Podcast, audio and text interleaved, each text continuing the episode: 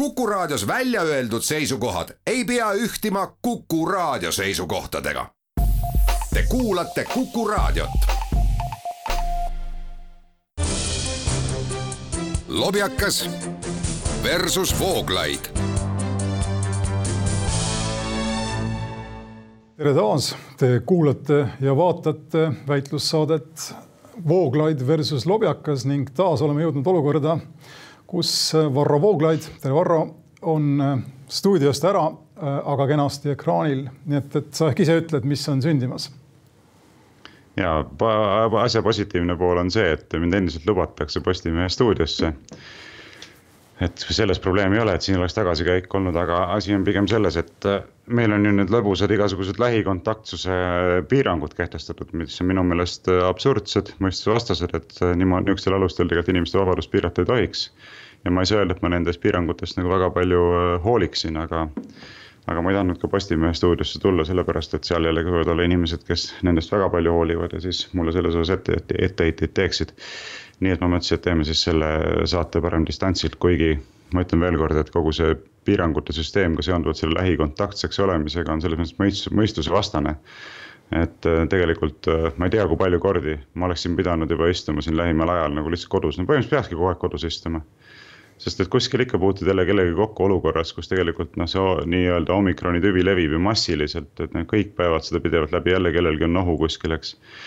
ja, ja siis põhimõtteliselt istudki kodus kogu aeg, mitte midagi ei saaks teha, et see, ma ei kujuta ette, kas, keegi nendest piirangutest sellisel viisil enam üldse kinni ka peab või ei pea, aga kui peab, siis tegelikult muutub elu täiesti võimatuks juba no igal juhul äh, jah, tundub, et see probleem laheneb iseenesest või lahendab ennast ise, kui on õigus nendel, kes ütlevad, et kusagil märtsikuus on pool Euroopa elanikkonnast äh, nii või teisiti omikroni jäänud. siis kujutage ette olukorda, kus äh, need, kes on omikroni jäänud ja nende lähikontaktsed ei saa minna tööle ega mujale. meil on möödunud saates juba kergelt mainisime seda, aga siin mingil hetkel tekib, eks reaalne oht, et majandus lõpetab toimimise või või ütleme siis niimoodi, et äh, majandusharud ei saa toimida. aga see selleks, meil on täna äh, teile siin rääkida kolmel teemal, oleme kokku leppinud. esimene puudutab äh, Venemaa võimalikku üha tõenäolisemaks muutu, muutuvat sissetungi Ukrainasse. teine puudutab seda elektri hinna saagat, milles valitsus on nüüd kokkuleppele jõudnud mingisugusele ning kolmandaks räägime sellest, millest me juba rääkinud oleme, ehk siis omikronist ja äh, koroona arengutest. aga alustame esimese julgeoleku teemaga, see on meil saates suhteliselt harv külaline. aga mulle tundub, et siin on väga mitu põhimõttelist momenti või isegi enamat kui momenti mängus äh, selle osas, mis puudutab siis Venemaa võimalikku sissetungi Ukrainasse ning eriti siis, äh, mis puudutab ka seda, kuidas Eesti selles küsimuses käitub ja meie valitsus on öelnud, et nad leiavad kusagilt kolmsada kaheksakümmend miljonit eurot lisaraha järgnevateks aastateks, et see panustada siis kaitsetehnoloogiasse. üldiselt Eesti siis sellega kaasnevalt, ma vaatasin, rõhutab seda, et me nagunii kulutame kaks koma kolm protsenti SKT-st siis kaitsekulutustele, kaitsekulutusteks ning sellega oleme eeskujulikud õpilased ja kui ma üldse selle debati millegagi lahti tahaksin lüüa, siis selle mõttega, et meil on viimased kakskümmend viis aastat vähemalt või NATO-sse astumisest või millestki sarnasest põhimõtteliselt kaitse, ütleme julgeolekupoliitika sisuliselt koosnenud või seisnenud küünalde kirikusse viimises. lootuses siis, et jumal kusagil kõrgel neid tähele paneb ja meie vagadust äh, premeerib äh, julgeolekuga. igal juhul selge on ju see, eks, et meid kaitstakse kahel põhimõttelisel põhjusel, üks on äh, üheks, üheks põhjuseks on loomulik solidaarsus, mis tähendab seda, et olulised riigid nagu Suurbritannia, Saksamaa, Prantsusmaa ja Ameerika Ühendriigid ei saa meid kaitsmata jätta, vastasel juhul nad ei oleks need, mis nad täna on, ehk nad peaksid siis ennast tunnistama kuidagi moraalselt puudulikeks ja seda niisama lihtsalt ükski ühiskond ei tee. ja ma tõsiselt kahtlen, ma ironiseerin siin, eks, et selline solidaarsus sõltuks sellest, kas me panustame kaks koma kolm protsenti või panustame üks koma üks protsenti või sinnakanti, nagu panustab Luksemburg, keda kindlasti kaitstakse, eks. ja teine põhjus, miks meid kaitstakse, on strateegiline huvi ja kui me tõesti oleme strateegiliselt olulised Ameerika Ühendriikide jaoks, siis ma arvan näiteks, et kui Läti üldse ei kulutaks kaitsekuludele, siis äh, vaevalt, et ta kaitseta jäetaks puhtalt sellepärast, et niimoodi ei ole võimalik kaitsta ka Eestit ega Leedut. et see kõik on palju keerulisem ja kui ma selle ütleme sissejuhatava sõnavõtu nüüd lõpetan, siis ma tahan selle lõpetada selle mõttega me saame täiesti valesti aru enda julgeolekusituatsioonist, mulle tundub. meil on olnud kolmkümmend aastat aega selles kriisis ja mitte ainult selles kriisis, vaid ka näiteks energiakriisis, et valmistuda äh, või noh, võimalikult ütleme siis ennast vastupidavaks teha, valmistuda, anda endast parim ja, ja, ja see endast parima andmine ei saa kaitsepoliitikas koosneda lihtsalt või seisneda rauda investeerimises. ma investeeriksin parem haridusse, ma investeeriksin Ida-Virumaale ma investeeriksin sellesse, et Eestiga oleks mõtet solidaarne olla. ja no siin on kommenteerimist õige palju, aga isegi kui investeerida rauda, siis ma arvan, et oleks mõistlik investeerida nagu reaalse iseseisva kaitsevõime tekitamisse, et mina näen nagu kõige suuremat probleemi just seonduvalt sellega ja me oleme ju antud küsimuses siin saates ka korduvalt rääkinud, et Eesti kaitsepoliitika Äh, on midagi sellist, nagu sa oled kirjeldanud, selle erinevusega, et küünlaid pole mitte viidud kirikusse, vaid tegelikult on küünlaid viidud nii-öelda Ameerika Ühendriikide altarile. ühesõnaga, jumalana käsitletakse siis Ameerika Ühendriike, eks. Et kõike tehakse selleks, et äh, olla Ameerika Ühendriikidele meelepärane, suurest lootusest, et kui meil siis on abi vaja, et siis tullakse meile appi noh, selle lähenemise probleem seisneb muidugi selles, et esiteks see on fundamentaalselt ebaväärikas, eks, et iga riik, mis omab mingisugust riiklikku rahvuslikku väärikust, peaks lähtuma ikkagi eeldusest, et äh, ennast kaitstakse ise äh, vajadusel kellegi abiga, aga mitte nii, et kogu lootus ongi rajatud praktiliselt abile. ja teiseks on see selle probleemiks see, et see lootus on, ma arvan, alusetu lihtsalt. ma tean, et need seisukohad ei ole populaarsed, mida ma siin praegu väljendan, aga ma ei osalegi siin saates sellepärast, et populaarsust koguda et ma arvan, et see on lihtsalt illusioon. et fakt on see, et Venemaa on maailma suurim tuumariik, ülejäänud maailma kõikide teiste tuumariikide arsenal on kokku umbes sama suur kui Venemaal. ja Ameerika Ühendriigid ei hakka Eesti-suguse mikroriigi pärast maailma suurima tuumariigiga mitte kunagi sõjalisse konflikti astuma, see on lihtsalt äh, illusioon, kui keegi mõtleb vastupidist ja see on Eesti kaitsepoliitika, mina arvan, fundamentaalne viga ja viga, mida näiteks soomlased ei tee. et soomlased üritavad hoida konstruktiivseid sõbralikke suhteid Venemaaga, mitte järjest vaenulikumaid suhteid, nagu Eestis seda on püütud teha Ameerika Ühendriikide vasallina. ja ma arvan, et nemad tegutsevad palju targemini, et eks tulevik näitab seda, kuidas kellelgi läheb, kui tõelised probleemid tekivad, aga ma arvan, et soomlastel on väga palju paremad väljavaated, et neil läheb hästi. võrreldes Eesti ja teiste riikidega, mis on hakanud siis Ameerika Ühendriikide vasalliks. ja no mis ma ütlen omalt poolt veel ära muidugi on see, et kui kõike seda olukorda kirjeldatakse ma saan aru, et siin on sellised äh, julgeolekupoliitilised väga tugevad äh, narratiivid, mis on kehtima pandud ja mida siis erinevad äh, selle narratiivi esindajad väljendavad igal pool meedias ja poliitikute poolt ja nii edasi. aga reaalsus, millest keegi ei taha rääkida, on ju see, et me peame üritama asja vaadata ka Venemaa vaatepunktist et me vaatame kogu aeg seda Eesti vaatepunktist ja Ameerika Ühendriikide vaatepunktist ja see on nagu ainuke lubatud vaatepunkt. aga kui me tahame sellest probleemist tegelikult aru saada, siis peab vaatama ka Venemaa vaatepunktist ja mis on Venemaa vaatepunktist näha, on näha seda, et Ameerika Ühendriik piirab Venemaad sisse oma sõjaväebaasidega, eks. alates Eestist ja lõpetades seal äh, Kesk-Aasias, eks, on äh, Venemaa piiri äärde pikitud väga palju Ameerika Ühendriikide sõjabaase, sõjaväebaase ja kui nüüd vaataks vastupidi seda olukorda, et näiteks Venemaa pikiks Ameerika Ühendriikide piiri äärde oma sõjaväebaase Kanadasse, Mehhikosse, Kuubale, eks terve rea sõjaväebaasi piiraks just Ameerika Ühendriike sisse. ja kui siis Ameerika Ühendriigid ütleksid, kuule, et see meil ei ole vastuvõetav, et äh, kui te seda asja ära ei lõpeta, siis me oleme sunnitud kasutama oma sõjaväge, et äh, see olukord ära likvideerida, sest me ei saa, noh, see on meie rahv-, see on ohuks meie rahvuslikule julgeolekule, eks. siis me ütleksime, et noh, täiesti tervemõistuslik lähenemine, loomulikult, noh, see on täiesti talumatu olukord, eks. aga kui Ameerika Ühendriigid teevad Venemaa suhtes täpselt sama asja siis on justkui niimoodi, et kui Venemaa ütleb, et kuulge, meie, meie jaoks ei ole see olukord talutav, et siis on tegemist agressoriga ja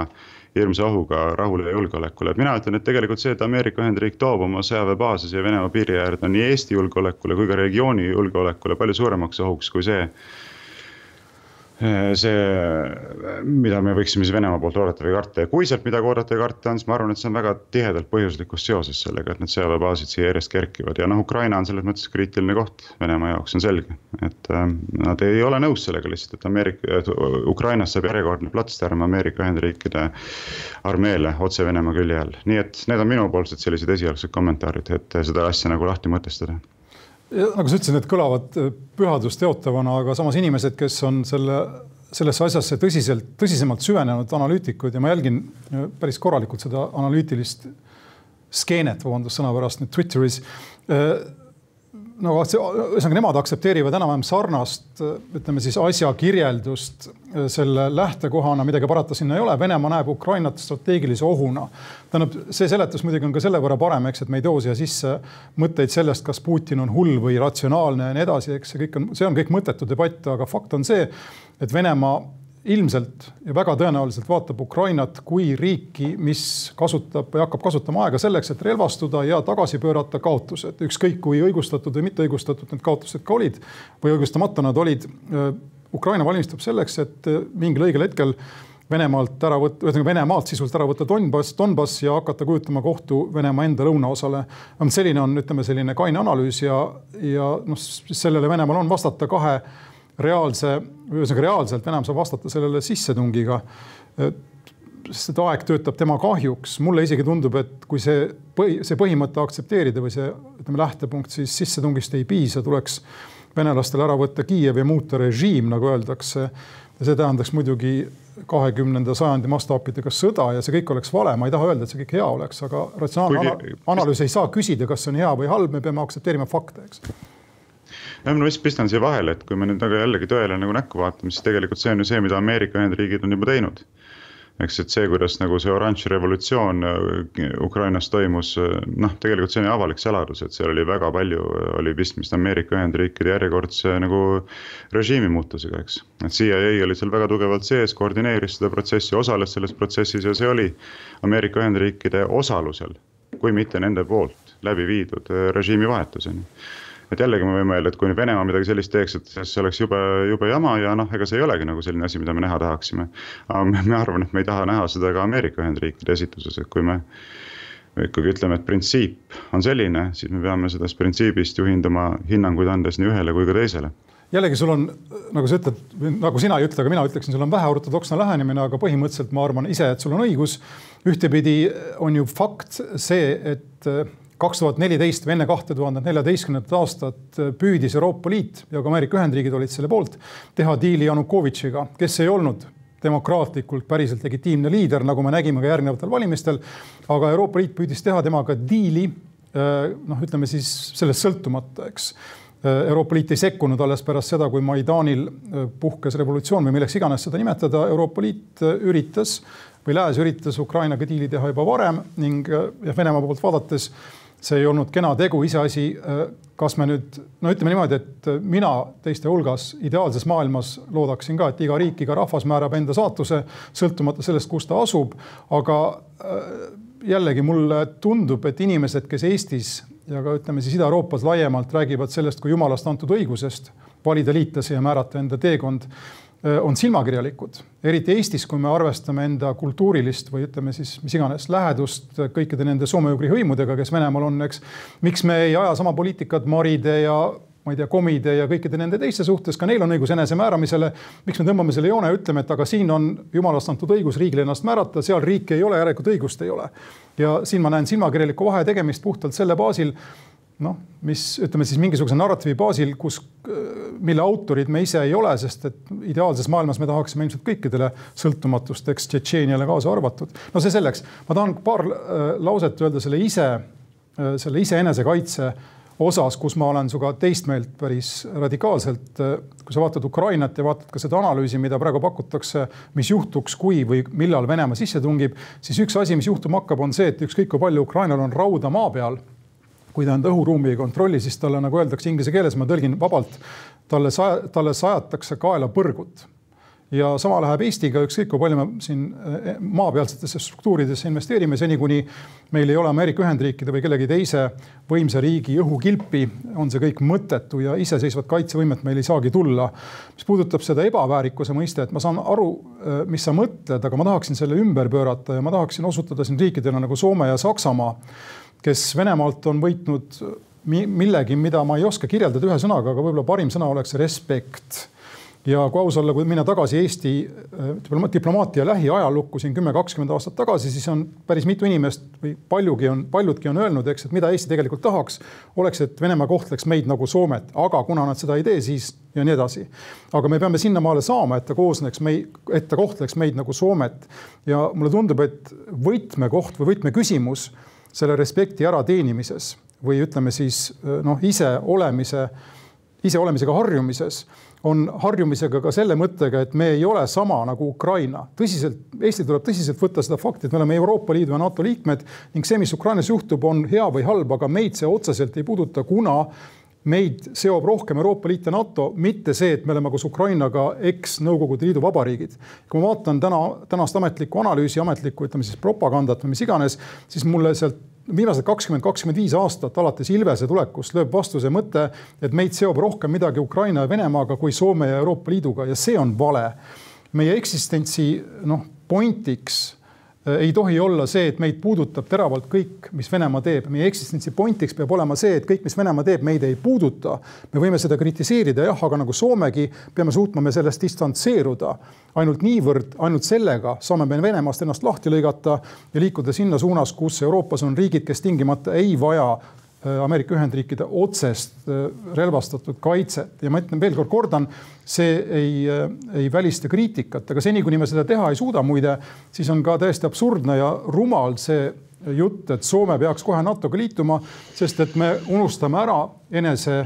huvides silmakirjalikult selle, et üks asi, üks põhilisi asju, mis Soomet tagasi hoiab NATO-ga liitumast, on see, et sel juhul peab ta hakkama kaitsma Eestit kui liitlast, eks, ja kaasa arvatud siis tänase Eesti ja eelmiste Eesti valitsuste olematut vähemuspoliitikat, mis eeldab, et äh, hea venelane on kinni makstud venelane ja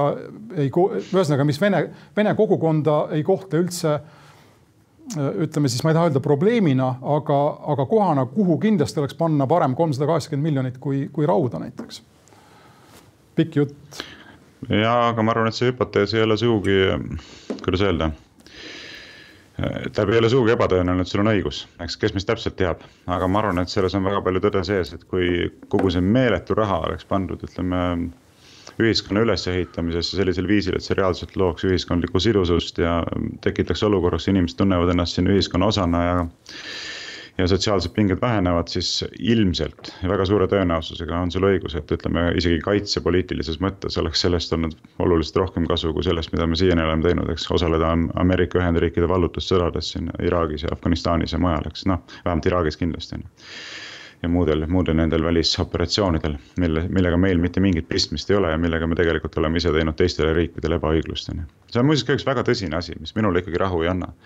et meie oleme osalenud selles, et näiteks äh, peksta Iraak segamini, eks, täiesti ebaõiglaselt. Äh, paljud inimesed on surnud, paljud inimesed on kannatanud, paljud on pidanud emigreeruma, paljud on kaotanud oma kodu, eks, äh, nende elukeskkond on hävitatud. meie oleme selles osalised olnud, me oleme seda teinud, millega Iraak on selle ära teeninud? Noh, kui nüüd meile tagasi tuleks mingisugune sarnane asi, siis võiks küsida, et vabandust, et aga kuidas see nagu ebaõiglane on, et on vist selline välja, väljend, et karma karma nagu sai su kätte, eks, et ähm, see on asi, mida peale minu meelest tuleks mõelda. et kui me üritame endale teenida välja nagu julgeolekutagatisi läbi selle, et me hävitame kellegi teise julgeolekut, noh siis siis siin tekib ka selline väga tõsine nagu väärikuse ja aulisuse, aulisuse defitsiidi küsimus. aga, aga sinu räägituga seonduvalt tahaks tegelikult pikalt rääkida, siin on väga tõsised küsimused, aga ma lihtsalt märgin paari asja ära, mida ma üles kribasin, kui ma kuulasin sind. et esiteks seesama asi, et äh, minule tundub, et äh, Eesti julgeolekupoliitika baseerub fundamentaalselt sellisel feminiinsel printsiibil, aga peaks baseeruma maskuliinsel printsiibil. et feminiinne printsiip on eks see, et ma otsin kedagi, kes mind kaitseks, eks. ma tean, siin me võime hakata arutama, et kõik naised pole ühtemoodi ja on, naised on erinevad ja nii edasi, ma ei taha sinna minna aga fundamentaalselt feminiinne printsiip on see, et sul on vaja kedagi, kes sind kaitseks, eks, sest fakt on see, et mehed on tugevamad kui naised keskmiselt, eks ja, ja see on loomulik, naine otsib meest, kes teda kaitseks vot Eesti kaitsepoliitika on samamoodi selline halvas mõttes nagu feminiinne, sellepärast et riiklik kaitsepoliitika, kui ta on feminiinne, noh siis see, see lihtsalt ei ole õige, et ta peaks olema maskuliinne. maskuliinne printsiip on see, et me kaitseme ennast ise, isegi teadmises, et me ei pruugi olla selleks suutelised, aga me oleme valmis ennast kaitsma ja, ja sellega me fundamentaalselt teenime välja ka suuremat ja tugevamat respekti, eks. see on nagu klassis, et kui sa oled, ütleme klassis selline väike poiss ja sind tullakse kiusama siis kõige targem tegu on see, et kui sind hakatakse tead seal vastu pead tõmbama või nii edasi, siis sa hakkad vastu, eks. sa paned nii kõvasti, kui sa vähegini jaksad, paned vastu, isegi kui sa saad lõpuks peksa, eks selle eest. aga fakt on see, et järgmisel korral need vennad juba teavad, et selle vennaga ei ole nagu mõtet jamada eriti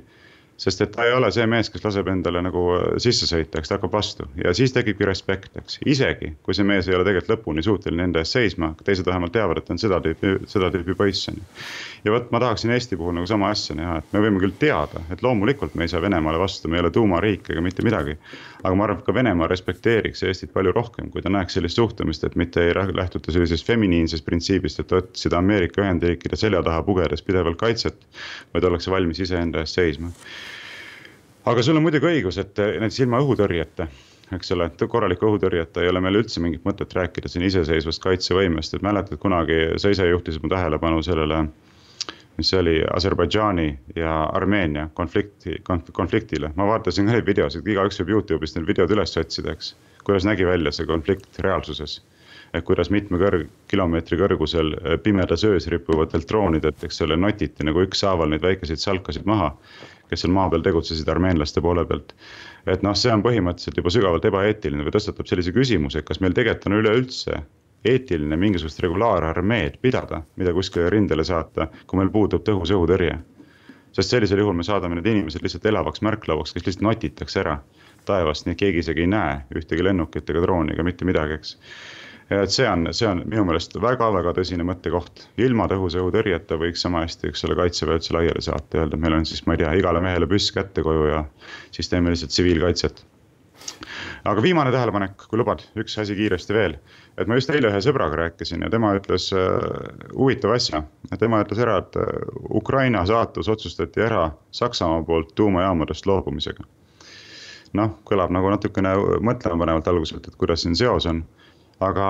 kui nüüd hästi kiiresti abstraheerida, siis ma arvan, et millele ta osutab, on see, et äh, Ameerika Ühendriikide sõjaline jõud äh, maailmas langeb, see on selge, sellepärast et tema rahaline jõud langeb, eks. Ameerika peamine ekspordiartikkel on olnud raha. Äh, sellel on järjest vähem mõju, sellel on järjest vähem, kuidas öelda, võimu. tema sõjaline võimekus proportsioonis teistega langeb. aga samal ajal, mis Venemaal pidevalt tõuseb, on energia energiavõimekus, kontrollida teisi riike läbi oma energiatarnete. Ja noh, kes võiks olla Ukraina selline tugev kaitsja Euroopas, võiks olla, eks ole, Saksamaa poliitilistes hoobade, poliitiliste hoobade kaudu vähemalt. Aga kuna Saksamaa ise on pannud ennast sellisesse olukorda, kus ta on väga tugevas energiasõltuvuses Venemaast, siis läbi sellise energiapoliitika tegelikult Venemaa on järjest rohkem suuteline saavutama oma poliitilisi eesmärke igal pool Euroopas kui need kaks poolt kokku panna, Venemaa mõjuvõimu kasvamine läbi energiapoliitiliste võimekuse kasvatamise ja Ameerika Ühendriikide sõjalise võimekuse ja rahalise võimekuse taandumine. noh, siis tegelikult need protsessid annavad minu arvates meile ka aimduse sellest, mida me võime tulevikust oodata ja sellega on raske vaielda, et äh, Saksamaa, sõltudes Venemaa gaasist ja loobudes tuumaenergiast, paneb, on pannud ennast keerulisse olukorda ja sõltub äh, muuhulgas siis ka Vene gaasitarnetest ma paar lauset ütlen veel ja minu pärast võib selle teemaga siis otsad kokku tõmmata. see jah, feminiinne printsiip, ma ei näe siin ma iseenesest olen sinuga nõus, mul oli. ma tean, et sa ei saa seda kommenteerimata jätta. mul, ei, aga ma ei saagi aru, miks sa pead tõmbama selle, ütleme siis selle eraldusjoone sugudevahelisele eraldusjoonele, sest et me oleme sellest ka varem rääkinud, ma tsiteerin Masingut, eks on ju fakt, et on olemas heidelikke mehi ja väga, ja väga vingeid naisi, keda ma ei nimetaks mehelikeks, vaid noh, ütleme siis inimlikult. Äh, ja, kes Eesti Vabariigi kaitsepoliitika on selle elavaks kinnituseks. no kes inim-, ühesõnaga, kes inimlikult kehastavad neid väärtusi, mida sa esiplaanile sead. Äh, nende väärtuste kohta ma ütlen kohe midagi, aga põhimõtteliselt äh, vanaisa mul armastas öelda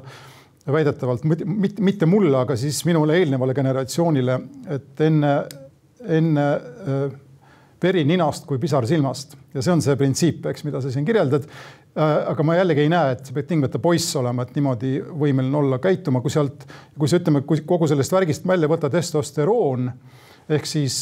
mitte lasta otsustada väga noortel agressiivsetel meestel, siis mis üle jääb, ma arvan, et ongi suhteliselt nagu soosõltumatu selline äh, Äh, kes on tark, kes on võimeline analüüsima, kes ei ole tark, kes on, kes pole võimeline analüüsima ja nii edasi. aga mis puudutab seda otsest Venemaale vastuhakkamise väärtust, siis äh, ta on muidugi ennast teatud mõttes tõestanud Tšetšeenias näiteks aga nüüd kujutage ette, et Tallinnast ja Tartust tehakse kroosnõid, äh, tegemist on küll saksa linnadega, aga kui need meilt ära võtta kultuuriväärtusena või ütleme siis meie ajaloona, siis ma kardan, et meist ei jää mitte midagi järele, see on hoopis omaette teema muidugi. aga mis puudutab, viimane lause, mis puudutab seda Iraaki ja Afganistani minekut, siis äh, üks aspekt, millele sa siin viitad ja millest minu arvates üldse Eestis nagu aru ei taheta saada või sa nagu liigud selle poole, päriselt sinna ei jõua, on iseenesest ka ju see fakt, et äh, Iraagi ja Afganistani piirid on tõmmatud lihtsalt lääne inimeste poolt kaardile. Nad ei kirjelda seal ega esinda mingisugust reaalset jõudude vahekorda või üldse reaalsust maa peal. ja nüüd kujutage ette, et oleksid tulnud araablaste väed aastal tuhat üheksasada seitseteist abistama Venemaad oma piiride, Vene impeeriumi, minu pärast siis või Nõukogude Liitu või Venemaad ühte või teistmoodi, kommunistlikku või mitte, eks, oma piiride kaitsel, sest et piirid on kõige tähtsamad. ja täpselt niimoodi me oleme käitunud Afganistanis ja Iraagis, piirid on see, mis on nii-öelda jumalast, mis on tähtis ja kõik muu ei mängi üldse mingit rolli. aga Afganistan, Iraak on täielikult kunstlikud moodustised ja et, et me aru saaksime siis jah, sellest, mis seal toimus, on see, oleks see, kui araab, araablastest koosnevad rahu, rahuvalveväed oleksid olnud siin meil äh, tagamas Venemaa piire aastal tuhat üheksasada seitseteist. huvitav võrdlus tõepoolest, aga vist on mõttekas edasi liikuda. nii, teeme väikse vahe. lobjakas versus Vooglaid ütleme paar lauset energiakriisi kohta, mis on osaliselt nüüd saanud või saamas lahendust äh, pärast seda, kui Kaja Kallas tegi kaks, tegi poliitilise avalduse, mis mitte midagi ei lahendanud. juhtus lõpuks see, mida näiteks mina pakkusin, oleks, no ütleme mitte, mitte, avalikult, ma ei saa öelda, et ma midagi ette nägin, aga mulle tundus algusest peale, et see äh, kogu see vaidlus Reformierakonna ja Keskerakonna vahel on lahendatav siis, kui nad seavad, kui põhimõtteliselt kehtestatakse äh, üleüldine solidaarne siis valit-, ütleme siis riigi abi, millele pannakse ülempiir, mida põhimõtteliselt on tänaseks tehtud, eks kõik saavad abi, kes, kelle siis kuu keskmine äh, megavati hind on enam kui äh, sada kakskümmend eurot, kui ma nüüd ei eksi, eks, ja kelle saavad abi siis kuni viiesaja kuuekümne äh, kilovatini kuukulutustes ja noh, seda kõike võib omaette veel analüüsida, aga mulle tundub, et see on mõistlik lahendus. näitab ka seda, et Kaja Kallas tegelikult valdab seda kunsti, mida ta vahepeal siin tundus üldse mitte valdavat, ehk ta, kui teda ennast tsiteerida, siis ta tahtnud, tahtnuks väga valitseda, aga pidevalt olid kriisid, eks pidevalt kritiseeriti, koalitsioonis ei läinud hästi ja nii edasi. aga see ongi ju valitsemine, et see enda koalitsioonipartneritega läbi saada, ükskõik kui rasked on olud. ja Kaja Kallas on nüüd seda teinud ja vähemalt selle eest äh, talle väike aplaus Äh, jah, jah, see kõlab natuke nii nagu mingisugune maratonisuusataja ütleks, tahaks juba suusatama hakata, aga kogu aeg on raske, et läheks juba lihtsaks, et lund, hakkaks suusatama. lund sajab, eks näkku noh lund sajab näkku ja kõik on jamast, et ma ei saa suusatada on ju. no paraku see ongi see suusatamine, et ongi raskused osa sellest tegevusest aga ma pean jällegi ütlema, et ma ei ole ausalt öeldes selle asjaga väga hästi kursis. ma ei saa öelda, et mind ülemäära üleüldse need küsimused kuidagi nagu huvitaksid, sest need ei ole niivõrd põhimõttelised, kuivõrd nagu praktilised küsimused aga kui ma põhimõttelise poole pealt vaatan, siis esiteks ma arvan, et tegemist ei ole sellega, et kriis on lahendatud. võib-olla on kriis mingil määral leevendatud. aga probleeme ei ole ju kõrvaldatud, probleemide põhjuseid ei ole ju kõrvaldatud. ja mingis mõttes on isegi probleemi suuremaks tehtud, ma arvan, sellepärast et äh, väga paljudel inimestel ikkagi see ei ole mitte mingisugune lahendus, et sa pead minema mingisuguseid toetusi jälle kuskilt kerjama kohalikust omavalitsusest. et mina küll ei taha minna kohalikusse omavalitsusse mingisuguseid toetusi kerjama isegi kui mul on tegelikult noh, need äh, arved ikkagi äh, noh, mitte eriti meeldivalt suured. Varro, ma arvan, et paljud teised inimesed samas positsioonis. ma korraks segan vahele, kui ma õigesti aru saan, siis kerjama tuleb minna ikkagi detsembrikuu arvete eest. Need on nii-öelda juba minevikus, nendega midagi peale hakata ei saa. aga mis edasi juhtub, on enam-vähem see, nagu juhtub tulumaksu tagastusega mis oleks pidanud algusest peale juhtuma, eks riik teab, riik maksab tagasi, inimene ei pea kerjama mitte midagi, kui ta just üle viiesaja, viiesaja kuuekümne kilovatt kilovatt-tunni ei kuluta kuus. No siis on hästi, ma ütlen, ma ei ole päris äh, hästi kursis, et kuidas see uus lahendus välja näeb, ma olen tegelenud hoopis teiste küsimustega siin viimastel päevadel. aga ma saan aru, et ikkagi need kaks skeemi jäävad paralleelselt kehtima või ei jää või? kes, ma saan nii aru, et kes, ma saan aru niimoodi, et ühesõnaga üks asi on detsember ja teine asi on see, need, kes kulutavad üle viiesaja kuuekümne kilovatt-tunni kuus, need peavad siis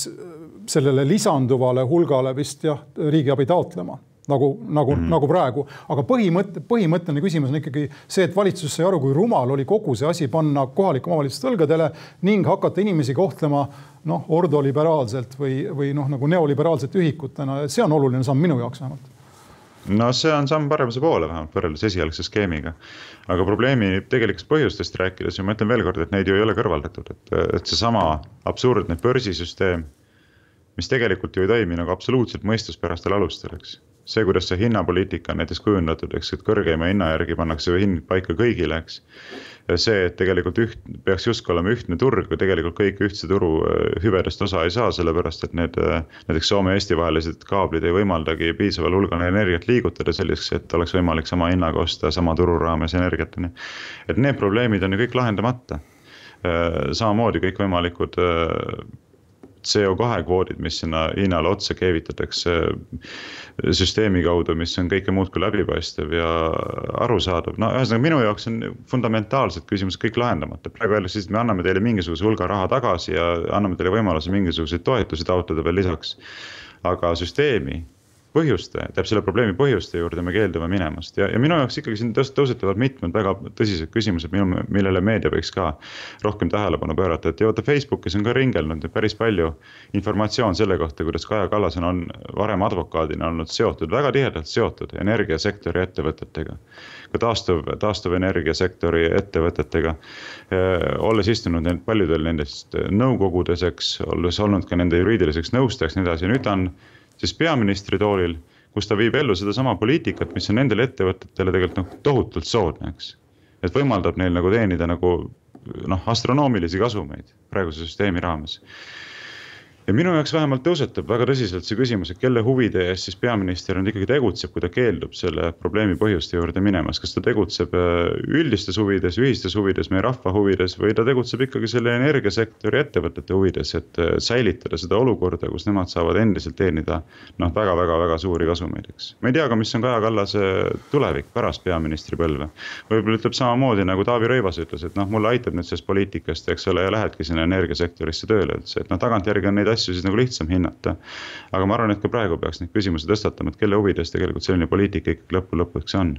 see on sul väga mõistlik äh, küsimus, see on küsimus, mida küsiksid äh, Euroopa ajakirjanikud, mind paneb. ühesõnaga, ma arvan, mulle tundub, et seda Eestis pole küsitud, vabandan, kui on. aga, aga jah, see on selline Euroopa stiilis äh, küsimuse püstitus korruptsioonist ja huvide Äh, erahuvide ja avalike huvide kattumisest sellistes ametites ja ma tuletan meelde, Janek Mägit oli kunagi selline mees, kellest tehti minister ning kuna ta toona omas, äh, äh, mis on siis PR-firmat, eks Äh, mis tegeles nõustamisega ja millegi sarnasega, millel, ühesõnaga, mille siis tegevusele tema ministriametist oleks kõrge, suur kasu tõusnud, siis ta pidi formaalselt äh, lahkuma sellelt, äh, ütleme siis juhi positsioonilt. muidugi hoopis keerulisem on omandiga või ütleme siis aktsiate ja muu sarnasega ja Kaja Kallase puhul ei ole isegi võib-olla tegemist aktsiatega, vaid nagu sa ütled, lihtsalt mõjuga, mida on võimalik hiljem realiseerida rahaks ja siin pole kahjuks midagi parata aga ilmselt sul on õigus, siin küsimusi on ja, ja mina nendele mingeid vastuseid hetkel ei näe, aga ma tahaksin paar sõna öelda selle probleemi kohta, mida sa siin, millele sa viitad ja mis on tõesti olemas, ma ei tahtnud öelda, et probleem on lahendatud, lahendatud on hetkel vähemalt see, et sel talvel meil keskklassil veel päriselt põhi alt ära ei kuku. Ja minu arvates see on väga oluline samm edasi, aga see on samm tühjusse, kui tõesti ei lahendata ära seda pikemat probleemi. mul on silma jäänud paar sellist asjatundlikku või mulle tund-, mulle tundub, et asjatundlikku mõtteavaldust, üks tuli Indrek Neiveltilt ka Facebookis, siin nägin eile. ta äh, küsib küsimust, miks on see börs, elektribörs selline, et domineerib kõige kõrgema pakkumise teinud äh, hind või kõige kõrgem hind, mida pakutakse, ehk siis ei õnnestu müüa börsil madala hinnaga ja ta seob selle Norraga. ma saan aru, et Norraga see probleem või osa probleemist on selles, et Norra garanteerib enda firmadele, mis elektrit toodavad, siis äh, riigi abi korras äh, mingisugused äh, sissetulekud, mida pole siis võimalik noh, teistele ütleme siis all, alt või alla trumbata. teine küsimus on selles, et Norra on hakanud enda elektrit müüma Suurbritanniasse, kus elekter on tunduvalt kallim. Kui see nüüd peaks olema osa probleemist, siis teiselt poolt ma loen, et Suurbritannias tuleb siin kevadel väga suur energiakriis, inimesed ei jõua maksta selle kalli energia eest Äh, seal muutub midagi, ma ei ole ka päris, päris täpselt kursis, aga kui see nii peaks olema, siis Norra energiat hakkab üle jääma. mis ütleb mulle seda, et kui siin üldse mingeid lahendusi on, millest järgmise kümne aasta või kahekümne aasta perspektiivis mõelda, siis üks nendest on kahtlemata kaablite ehitamine Põhjala poole, kus on odavam elekter, kui me vaatame turgusid, iseküsimus, kas Soome seda meiega jagada tahab, aga seni kuni tahab, ma ehitaksin kaableid võimsalt. teiseks ma vaataksin, mis, mida annab teha salvestusega, see on üks tuleviku teema, aga Elon Musk on selle suunas ammu töötanud ja Eesti võiks ju olla väike ja tark riik, eks. ning kolmas küsimus on siin säästus, mind ausalt öeldes rabas selline statistik, nägin seda nädala alguses, kümme protsenti meie kortermajadest on rahuldavalt soojusisoleeritud. üheksakümmend protsenti lihtsalt raiskab soojust, meenutab mulle kaks tuhat neli, kaks tuhat viis, kui oli Ukraina esimene tõsisem äh, kriis Venemaaga, see puudutas siis gaasi transiiti läbi Ukraina, Ukrainalt võeti gaas ära, Ida-Euroopalt võeti gaas ära Venemaa poolt. ja siis räägiti Ukrainast täpselt sama juttu, et seal, kui mu mälu ei peta et, et kaheksakümmend protsenti sealt kõikidest suured, suurtest hoonetest ei hoia korralikult soojust ja olid ka arvutused, kuivõrd palju oleks siis vähem vaja läinud Ukrainale energiat ja, ja ma arvan, et Eesti on samas seisus, aga Eesti on jumala eest olnud kakskümmend, kaua, ütleme siis viisteist aastat Euroopa Liidus, eks erinevalt Ukrainast ja ometi pole me suutnud isegi kortermaju äh, ära soojustada ja raha on meil olnud tohutult ju selleks jah, ilmselt on nii mõndagi tegemata jäetud, aga mis puudutab sellesse oma maja soojustamise, oma majas elamist, siis üks asi, mida võib-olla märgiksin veel ära,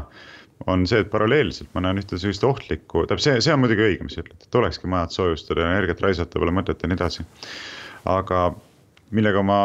ja sa ei ole ka seda väitnud, aga millega ma ei ole nõus, on üks teine sentiment, mis levib ja ma olen seda nagu päris palju hakanud nägema, on see, kuidas inimesed ütlevad, et aga miks sind peaks üldse nagu aitama või miks sinu murele peaks üldse kaasa tundma, et sul on liiga suured arved, sa elad ju oma majas, koli korterisse.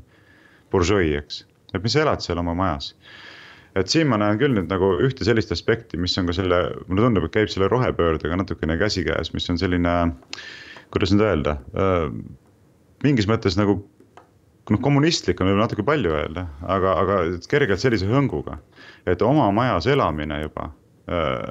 hakkab muutuma mingisuguseks selliseks sotsiaalset hukkamõistu väärivaks tegevuseks äh,, mille puhul inimestel ei olegi põhjust kaasa tunda, kui nad raskesse olukorda satuvad riiklikult äh, rumala poliitika tõttu, eks. müüs maha oma maja, eks, koli korterisse. aga oota, mis ajast, ma tahaksin teada, on oma majas elamine mingisugune pahe mille eest peab olema ette nähtud sanktsioon, ühiskondlik sanktsioon, nagu näiteks, ma ei tea, suitsetamine, eks. et noh, suitsetad küll, aga noh, siis saad ka sanktsiooni mingisuguse tubakaaktsiisi näol või muu sellise näol et see on selline ohtlik tendents, mis minu meelest selle rohepöördega käib käsikäes, et kui sa nagu ei äh, ole nõus nagu ütlema lahti sellisest eluviisist, mis on tegelikult ju inimlik, noh ja normaalne, et inimesed ongi elanud aastasadu oma majades ja ei pea elama mingisugustes kuubikutes korteris, nagu minagi elan, eks Äh, siis, siis me hakkame sind nagu ühiskondlikult sanktsioneerima. et noh, tundub, et see on natuke sarnane mõtteviis nagu selle sundvaktsineerimisega, millest me ilmselt räägime paar sõna, et, et kui sa ei lase endale neid aineid sisse süstida, mida nõutakse, et siis peame ka hakkama sind sanktsioneerima. Aga vabandust, tekib jällegi küsimus, et mis ajast on see mingisugune paheline tegevus, et ma otsustan ise selle üle, mida minu kehasse süstitakse või mida ei süstitaks, et mis ajast ma olen siis nagu mingi sotsiaalselt hukkamõistu vääriv isik sedasi käitudes, aga see selleks. ja sa osutad siin täiesti reaalsele probleemile, mis seondub meil konkreetselt Reformierakonnaga, aga laiemalt ka äh, sellise turumõtlemisega.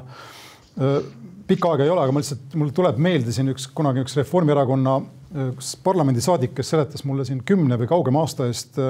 haldusreformi mõtet, mis oli põhimõtteliselt see, et kui te ääremaadel hakkama ei saa, siis kolite sinna, kust hakkama saate ja mingisugust mõtet ei olnud tal selle jaoks, mis siis ääremaast saab või väiksematest mm. linnadest, eks. lihtsalt kolige ära, sest et mujal saab elada, seal ei saa ja turumehhanism ütleb teile, et seal, kus elada saab, seal te elate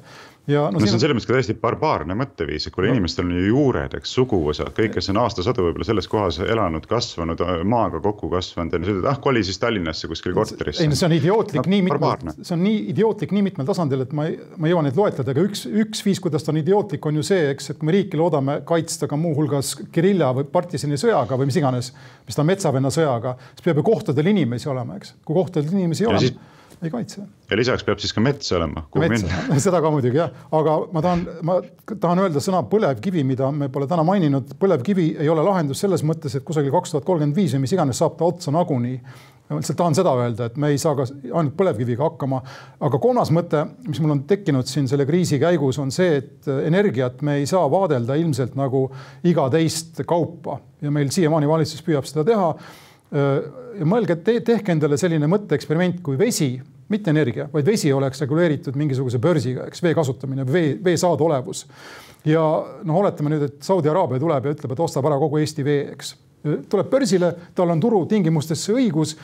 no mida me sellest arvaksime ja kas me saaksime edasi elada. ja energia mulle tundub, et on rohkem nagu selles kategoorias nagu vesi ja meil tuleb õppida, õppida teistmoodi energiale mõtlema. põlevkivi ei ole lahendus lahendus peab olema kusagil mujal, aga päriselt turumehhanismidega me energia kasutamist ilmselgelt pikas perspektiivis reguleerida ei saa globaliseerunud maailmas, kus on võimalik lihtsalt ära osta ressursse, eks.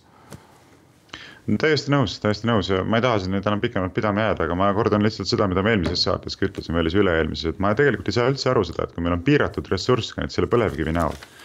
siis kuidas me saame üldse seda välismaale maha müüa see on ju tegelikult ressurss, mis kuulub ka tulevastele põlvkondadele, eks me peaksime seda vastutustundlikult kasutama ise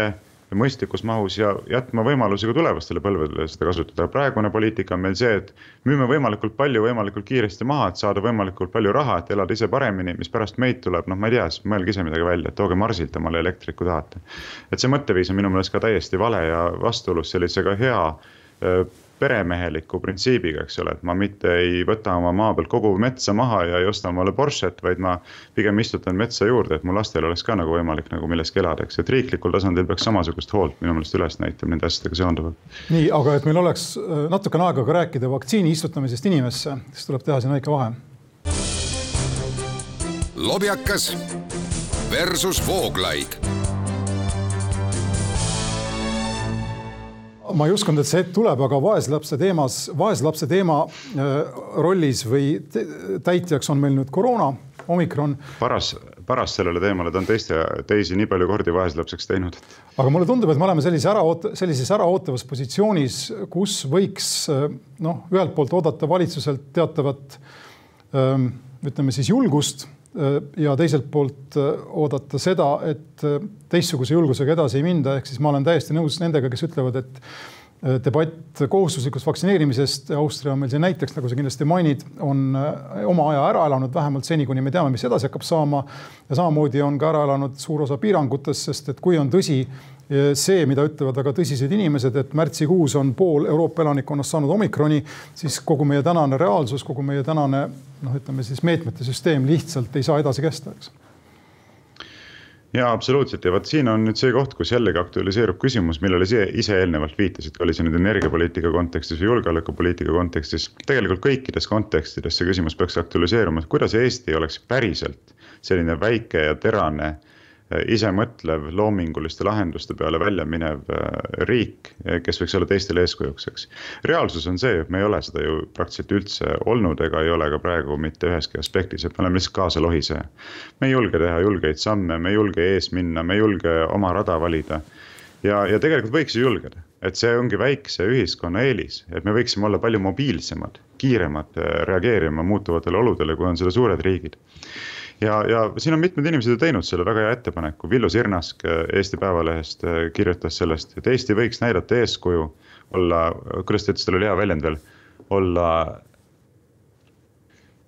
naerat-, näoga riik esimesena, eks, et maskid eest on ju, et on naeratust näha lõpuks inimestelt. et kutsuda turistid siia, avada majandus, öelda, et nüüd on läbi see nagu ja vaata, Ühendkuningriigis tegelikult ju praegu seda tehakse. Nad ütlesid väga selgelt, piirangud lähevad maha, maski kandmise kohustus läheb maha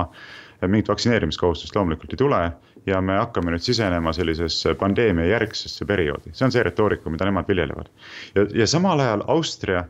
paneb täpselt teises suunas, eks, võttiski vastu nüüd selle otsuse. kui me mõned nädalad tagasi veel sel teemal rääkisime, siis sa ütlesid ka, et ei noh, see on veel ikkagi eelnõu ja seda ei ole vastu võetud, nüüd on vastu võetud reaalselt. reaalselt on kehtestatud seadus,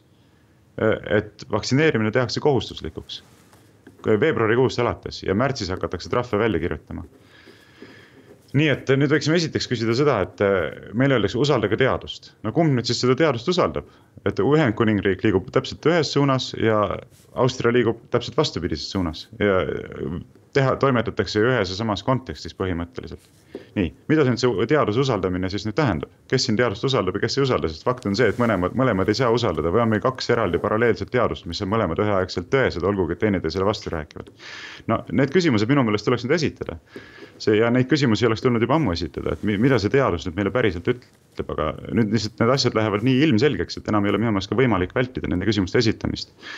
ja Liina Laks Postimehest kirjutas täpselt samamoodi samasuguse sisu, samasisulise artikli nagu see Sirnaski artikkel, et see on muutunud naeruväärseks kogu see olukord. inimesed käivad ringi, mul endal sõbrad käivad ringi, otsivad, kust saaks nakkust, noh. et selle, kust saaks selle hirmsa tapja viiruse endale külge sellepärast, et oleks vaja saada jällegi omale kodanikuõigused tagasi kuueks kuuks, on ju. ja mitmetel on õnnestunud ka, et jube õnnelikud on, et kolmkümmend oli natukene, üks oli nagu all, nohu oli ka ja siis olin terve jälle ja väga hea. lased omale passi jälle välja kirjutada, super.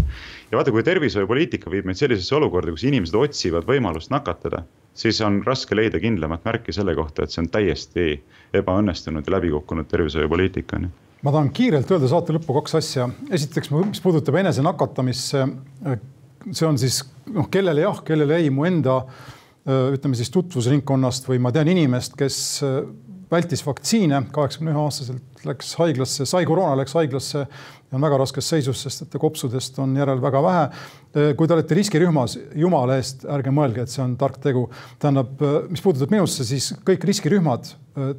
kõik riskirühmad peaksid ennast vaktsineerima. ma ei tea, kas ma selle kohustuslikuks teeksin, aga kõik ütleb meile seda, et koroona on ohtlik vanadele inimestele, kellel on immuunsuspuudulikkus ja nii edasi. aga, ja see on teine mõte, millest me peame ilmselt aru saama, on see, et vaktsiinidega me ei saa saavutada seda, et keegi ei jääks kunagi haigeks. vaktsiinid ei ole selleks tehtud, ma loen ka Ameerika Ühendriikide Äh, ekspertide läbi Saksa ajakirjanduse, vaktsiinid on tehtud selleks, et vältida tüsistusi, eks. ja tüsistusi on vaja vältida riskirühmadel. nii et, et kui me räägime vaktsineerimisest, tuleb keskenduda järgmisest hooajast alates väga selgelt inimestele, kes vaktsiine vajavad ja mitte kõiki inimesi vaktsineerida lõputult, sest et ma lihtsalt kordan, kordan seda Ameerika Ühendriikide eksperdi mõtet, ta on ka väga kõrgel seal, mitte lihtsalt, ta on ametlik ekspert kes ütleb, et ükski vaktsiin ei saa ühtegi viirust päriselt välja nii-öelda juurida. tema vaktsiini mõte on kaitsta neid, kes kaitset vajavad. Õige, õige. Ja selles samas vaimus võiks tsiteerida siia saate lõppu teadusnõukoja endist juhti Irja Lutsarit, kes andis ERR-ile intervjuu ja seal ta ütles väga selgelt, ma tsiteerin, me peame jõudma nii kaugele, et sellesse haigusesse suhtutakse nagu tavalisse viirushaigusesse. näiteks lõpetama, lõpetame lähikontaktsete inimeste eneseisolatsiooni ehk sellesama põhjuse, miks mina praegu räägin Skype'i vahendusel on ju. Irja Lutsar ütleb seda ja ta küsib väga selgelt küsimuse, mida nüüd võiksid hakata kõik küsima. mida me sellega saavutada tahame, kui me kerge köha ja nohuga ühiskonna kinni paneme? Irja Lutsar, see ei ole minu küsimus mina olen seda kogu aeg küsinud, eks aga, aga tegelikult nüüd hakkab ikkagi jää murduma, mul, ma loodan vähemalt ja hakkab see mõistuse ajal nagu pääsema püünele ja, ja lõputult ei saa seda enam äh, teha, et PERH peab kuuesaja inimesega pidusid kultuurikatlas on ju, kepsutavad seal Anne Veski muusikasaatel äh, tantsu hilise õhtutunnini. aga minule ütleb kohus, et äh, ja me nõustume siiski valitsuse seisukohaga, et teil ei ole põhjust anda võimalust osaleda Tartu maratonil on ju. no tõesti, sõitke seenele lihtsalt, see on nii mõistusevastane, et kohtunikud võiksid ka nüüd ausalt öeldes peeglisse vaadata ja öelda, et kuulge, kas meil häbi ei ole niimoodi käituda, me ei ole oma ülesannete kõrgusel, aga see selleks, siin jutt kipub laiali valguma no nii, minu hüvastijätu sõnad on ärge sõitke seenele, sõitke suusatama, aga äh,. Täna... üks ei välista teist, võite suusad alla panna, sõita seenele, kui te sihukest juttu räägite. tänan kuulamast, järgmise korrani. jah, järgmise korrani. lobjakas versus Vooglaid